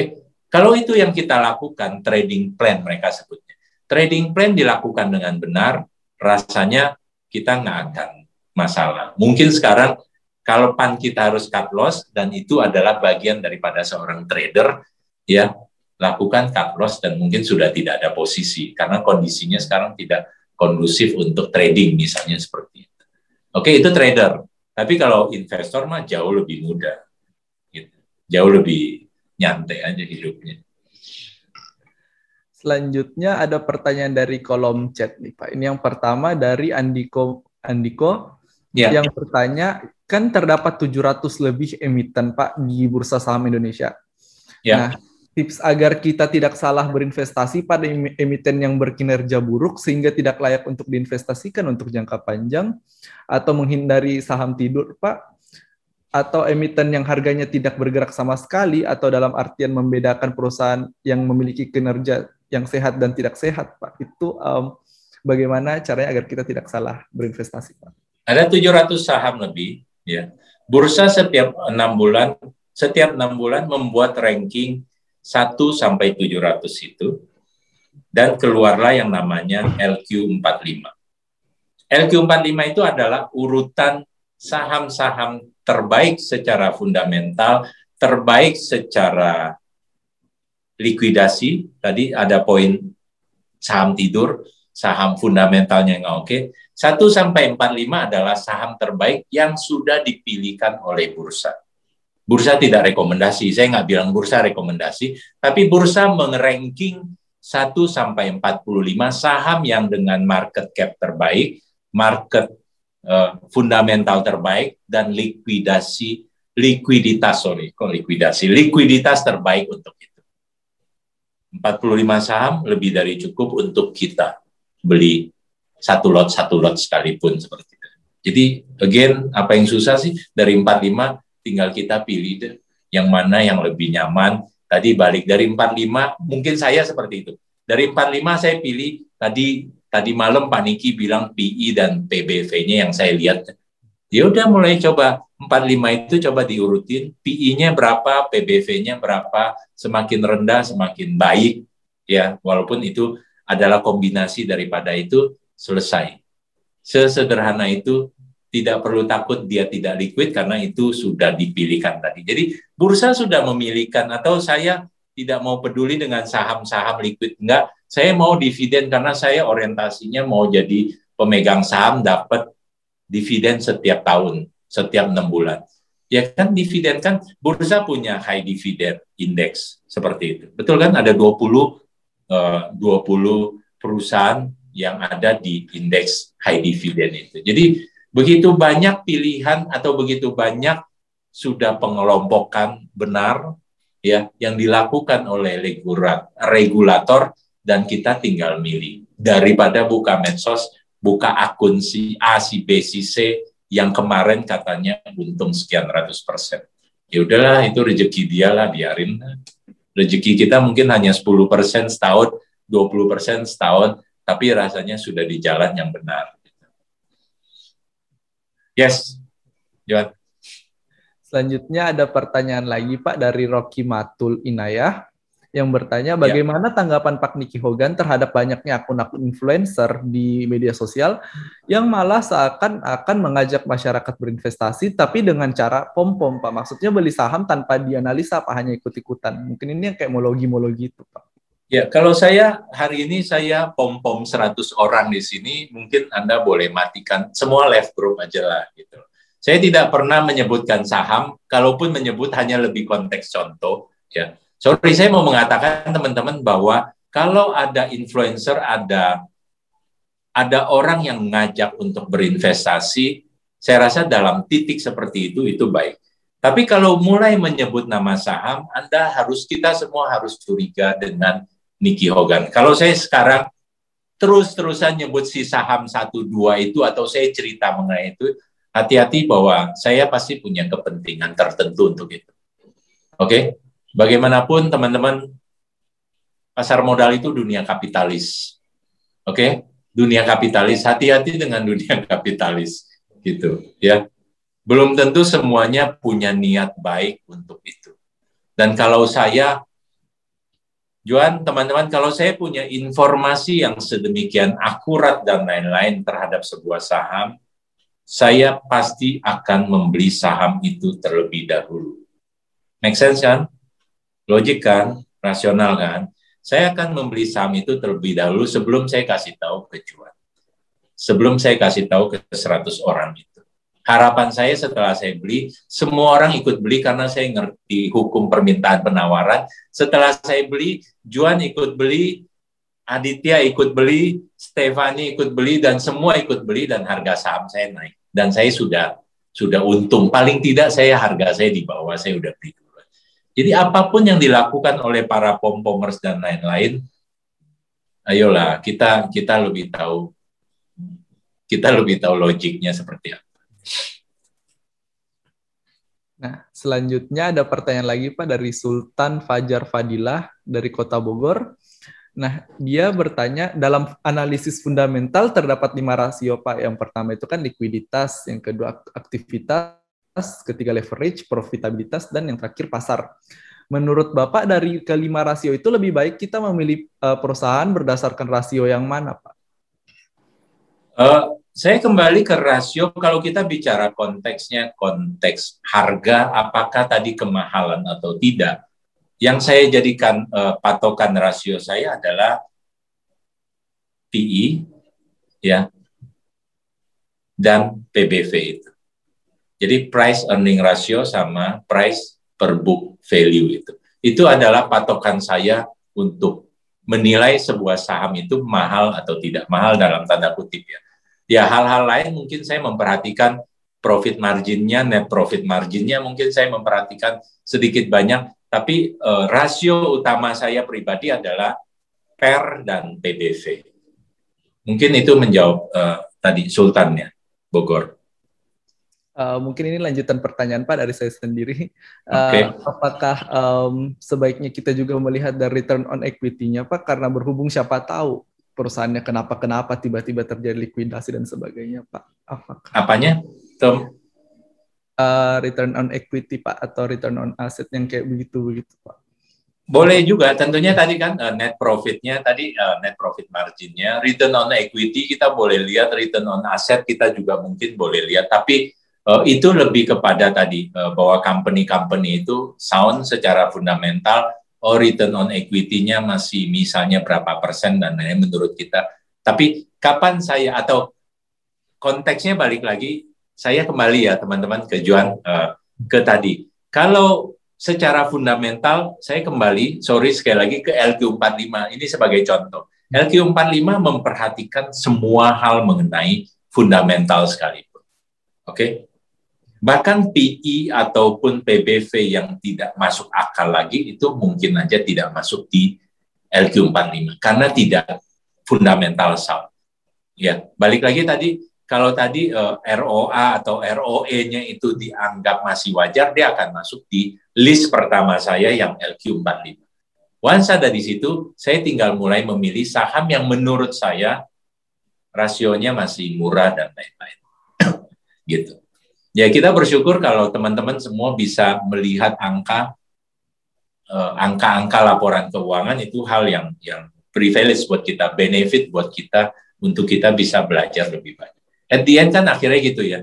Menjadi investor itu bukan melulu soal cuan atau tidak, tapi membuat kita akhirnya jadi lebih rajin buka laporan keuangan, lebih rajin baca koran, lebih rajin buka buka news berita, ngikutin berita dan lain-lain seperti itu.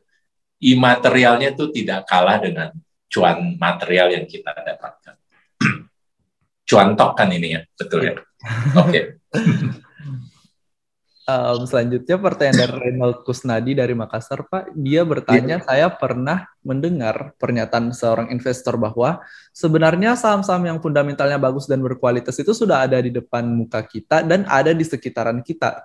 Yang menjadi persoalan itu kapan waktu yang tepat untuk membeli dan menjual saham saham-saham yang bagus tersebut, Pak.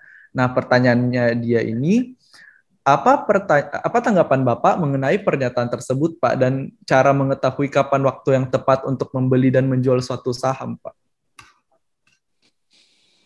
Walaupun saya, walaupun tadi saya mengatakan bahwa PI, ya, PER dan TBV jadi patokan, tapi satu statement yang paling umum juga yang saya saya sering bilang, satu statement umum juga adalah kapan saat yang terbaik untuk beli adalah anytime pada saat kita punya uang, pada saat itu kita boleh mulai berinvestasi beli saham seperti itu.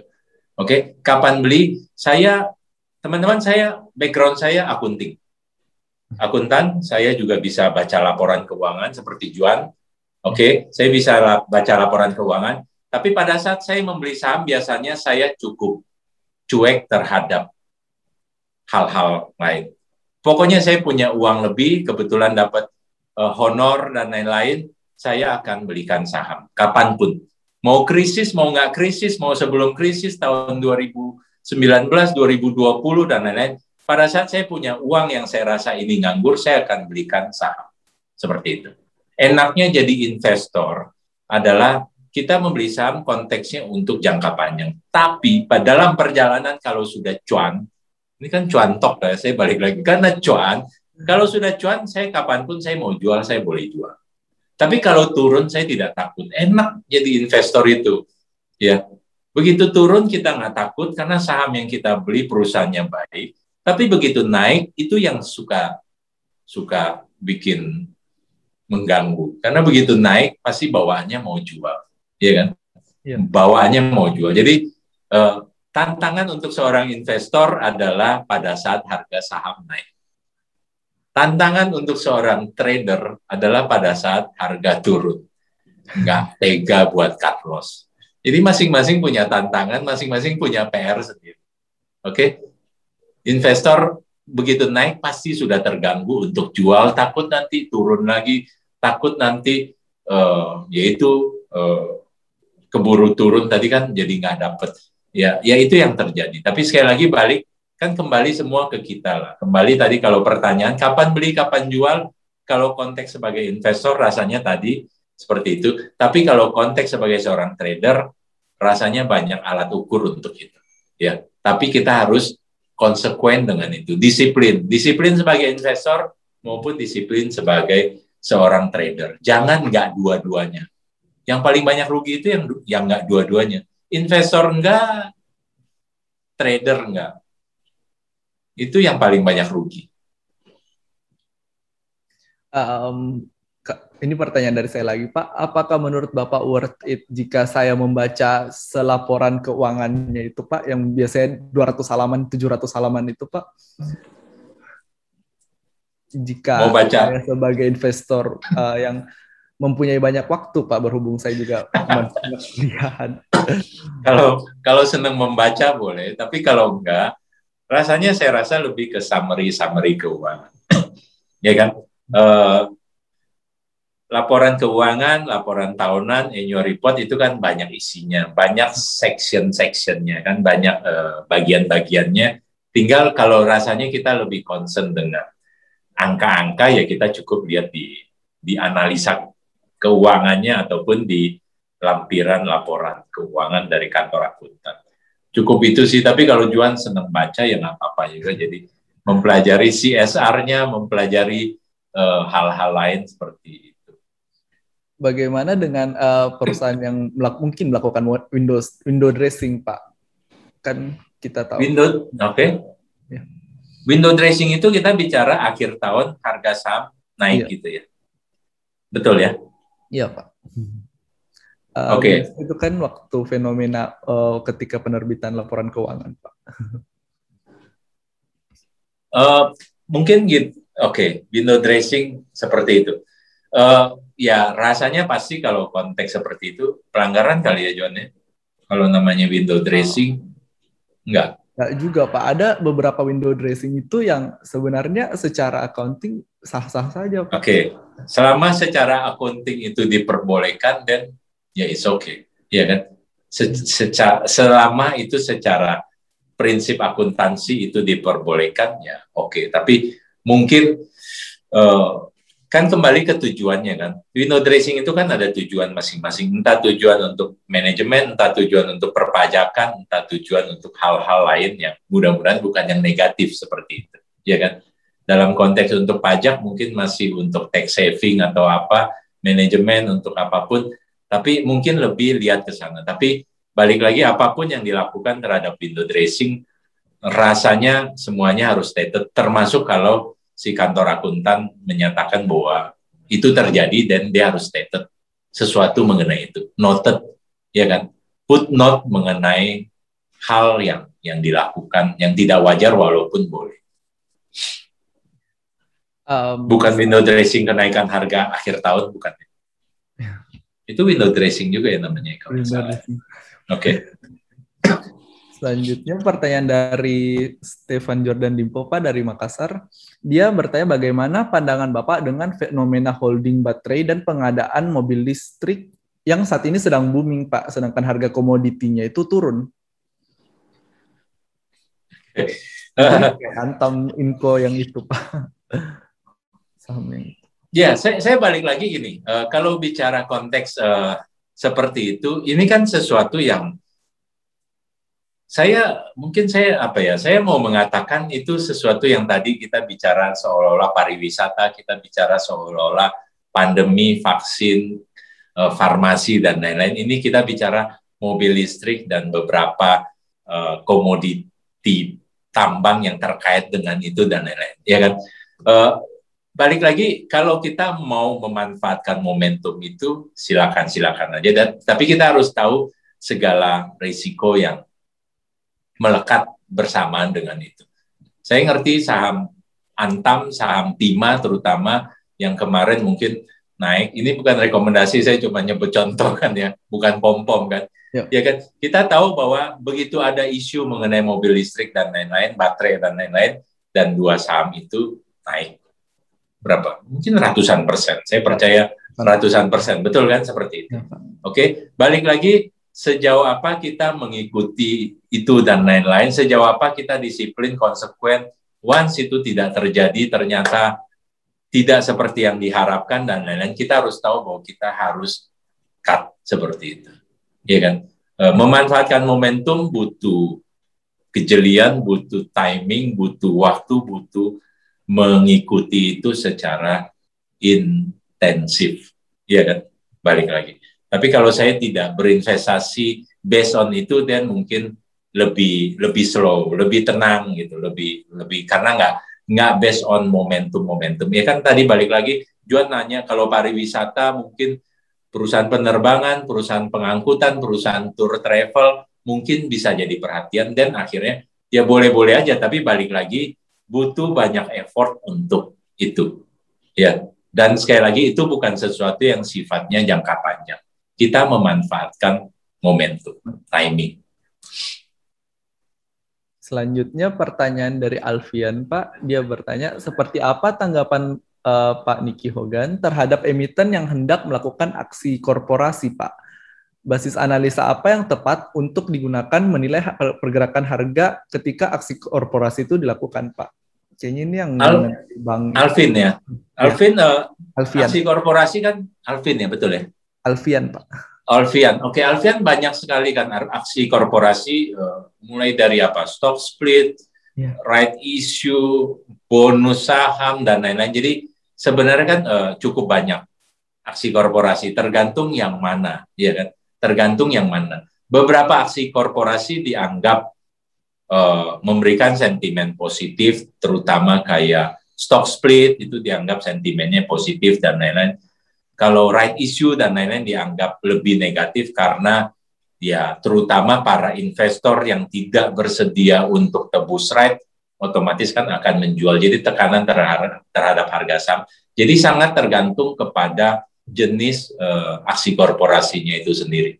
Ya kita nggak bisa uh, kita harus lihat satu-satuan seperti apa dan balik lagi aksi korporasi itu dalam konteks seperti apa Ya, tidak melulu itu positif, tapi juga tidak melulu itu negatif. Jadi sangat tergantung kepada hal-hal itu.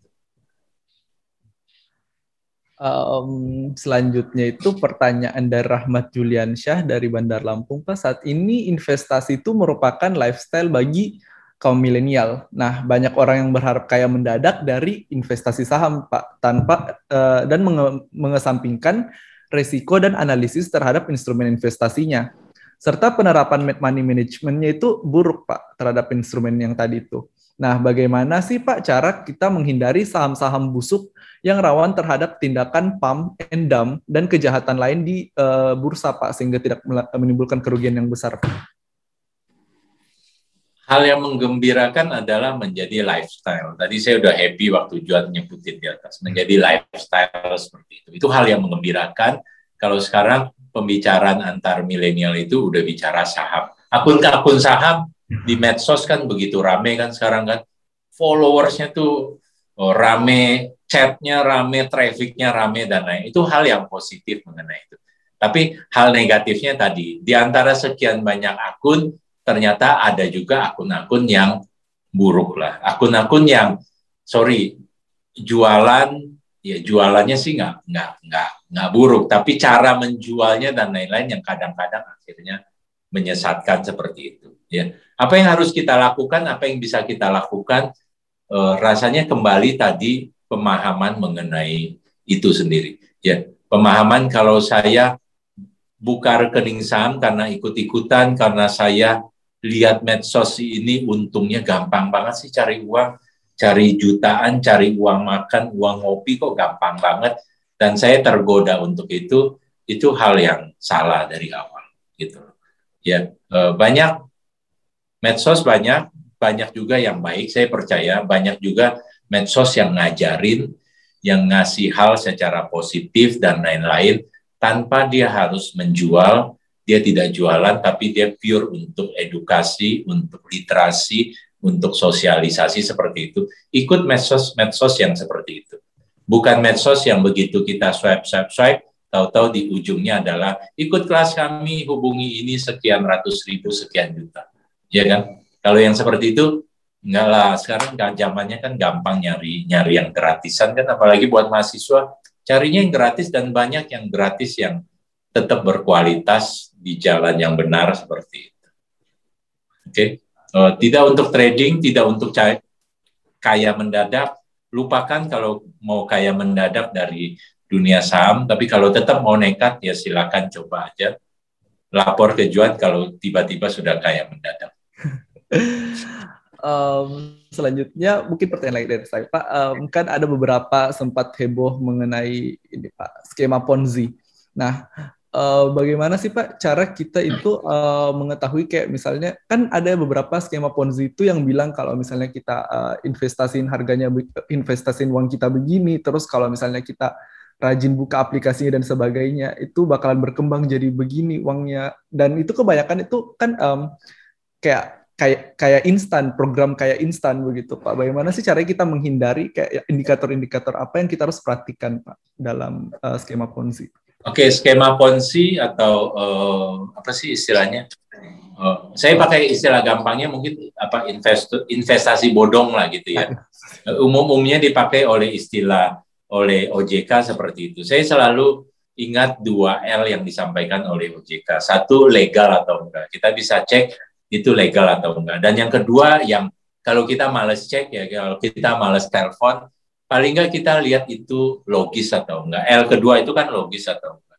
Jadi kalau skema Ponzi itu atau money game itu atau tadi investasi yang ditawarkan tapi nggak logis, yang katanya pasti, dari tadi kita nggak ngomong pasti nih Juan, investasi saham pasti untung tuh enggak gitu kan. Tapi kalau ada yang menawarkan pasti untung, untungnya 2% atau 5% per minggu, sebulan 30%, ya udah yang nggak logik seperti itu, udahlah. Kalau kita tetap lakukan, ya balik lagi kita tahu bahwa kita sedang ada bagian daripada skema itu. Bukan jadi penggorengnya kayak tadi cuan, tapi kita mungkin akan jadi korban berikutnya atau mungkin bukan kita korban berikutnya, tapi saudara kita teman-teman kita yang kita ajak itu yang jadi korban berikutnya. Gitu. Itu gampang sekali, sekali lagi 2L, legal dan logis atau enggak. Bunga bunga tabungan sekarang berapa? Bunga deposito berapa? Tiga setengah persen, ya kan? BI rate tiga setengah persen. Jadi kalau ada yang menawarkan tiga setengah persen per minggu atau per bulan, lupakanlah. Nah, ada yang cerita kayak gitu. Um, selanjutnya pertanyaan dari Manda Pahlevi Pak, uh, katanya bagaimana tips dan trik mempersiapkan psikologis mengenai fluktuasi harga saham Pak selain fundamental perusahaan? Oh, pertanyaan pertama dulu Pak. Bagaimana tips dan trik mempersiapkan psikologis terhadap fluktuasi harga saham Pak? Oke, kita sejago apa pun kita di fundamental, sejago apa pun kita di teknikal, uh, pertanyaannya bagus bahwa yang kita harus siapkan adalah psikologi. Oke, okay? pola pikir, mulai berinvestasi dengan mindset yang benar, termasuk ber, bertransaksi atau trading seperti itu. Semuanya kembali ke psikologi yang benar. Oke, okay? disiplin dengan tujuan kita. Kalau saya mau investasi dan saya investasi, saya tidak, ya saya tidak terganggu dengan naik turunnya seperti itu. Oke, okay? tapi kalau saya trading dan saya harus konsekuen dengan itu. Oke, okay? jadi disiplin dengan itu tidak greedy, ya, tidak jadi nggak sabaran dan lain-lain. Banyak hal-hal yang justru jauh lebih dominan dalam konteks psikologi dibandingkan hanya dengan sekedar analisa teknikal dan fundamental. Balik lagi, saya bisa pilih, pilih saham yang murah, saya bisa beli dan lain-lain, tapi begitu naik 5%, 10%, psikologi saya terganggu, padahal rencananya buat nanti 10 tahun lagi, buat jual nanti nikah, tiba-tiba naik 10% dan jual jadi, ah jual dulu deh. Oke, nikahnya urusan masih 10 tahun kan saya jual dulu, nanti turun saya bisa beli lagi, dan itu yang mengganggu seperti itu. Anda boleh katakan, tuh kan Paniki kemarin 6.300 nggak dijual sih. Sekarang udah turun ke 6.000 indeks, ya kan? Tapi kalian lupa bahwa saya beli itu di indeks 4.000. Di mana waktu 4.500 saya tidak jual, 4.900, 5.500 saya tidak jual. Jadi kalau sekarang naik ke 6.300 dan turun ke 6.000, so what? Kan kira-kira gitu kan. Itu yang harus kita selalu tanamkan. Once saya investasi dan saya investasi. Once saya trading dan saya trading dengan segala konsekuensi masing-masing. Mindset sekali lagi tidak kalah, saya nggak mau bilang lebih, tapi tidak kalah dengan analisa teknikal dan fundamental di mana kita mungkin jago-jago di sana. Ya. Um, saya rasa itu juga menjawab pertanyaan kedua dari pertanyaan uh, Manda Pak. Pertanyaan itu selain fundamental perusahaan, apakah kriteria lain yang dapat kita jadikan patokan saham yang dibeli untuk investasi jangka panjang? um, karena ya selain fundamental dan lain, fundamental mestinya sudah lebih dari cukup. Tapi beberapa investor kan kadang menambahkan track record daripada perusahaan, manajemen daripada perusahaan, Kemudian mungkin kalau ada grup besar daripada perusahaan, kadang-kadang bagus juga kalau kita bisa lihat uh, pemegang sahamnya dan lain-lain. Mungkin kalau mau menambahkan beberapa hal. Ya. Um, karena sudah tidak ada pertanyaan lagi, Pak, mungkin saya akan membacakan kesimpulan, Pak. Ya. Jadi uh, kesimpulannya itu investor muda merupakan salah salah satu indikator penggerak ekonomi negara di mana investor muda itu uh, menyumbang sebesar 44,13 29 persen dari um, per, per, per peningkatan investor yang selama corona ini Pak pandemi ini. Uh, dan sebagai investor muda kita juga harus memperhatikan fundamental dari saham yang kita beli dan diharapkan untuk membeli saham yang sudah direkomendasikan oleh bursa yaitu di LQ45 atau blue chip. Um, mungkin uh, sekian dan terima kasih. Terima kasih atas kesediaan uh, Bapak Niki Hogan yang telah menjadi narasumber pada contoh seri kali ini. Semoga apa yang tadi kita sharing dapat bermanfaat bagi investor muda yang join pada contoh kali ini. Dan semoga Bapak juga tidak bosan dalam men-sharing pengalaman Bapak di Cuan Talk kami. Sekali lagi terima kasih banyak Pak. Saya John Cipta Luandi selaku moderator kali ini undur diri dan mengembalikan kepada Saudari Stefani selaku MC. Terima kasih Johan, terima kasih Bapak Ibu, teman-teman semua.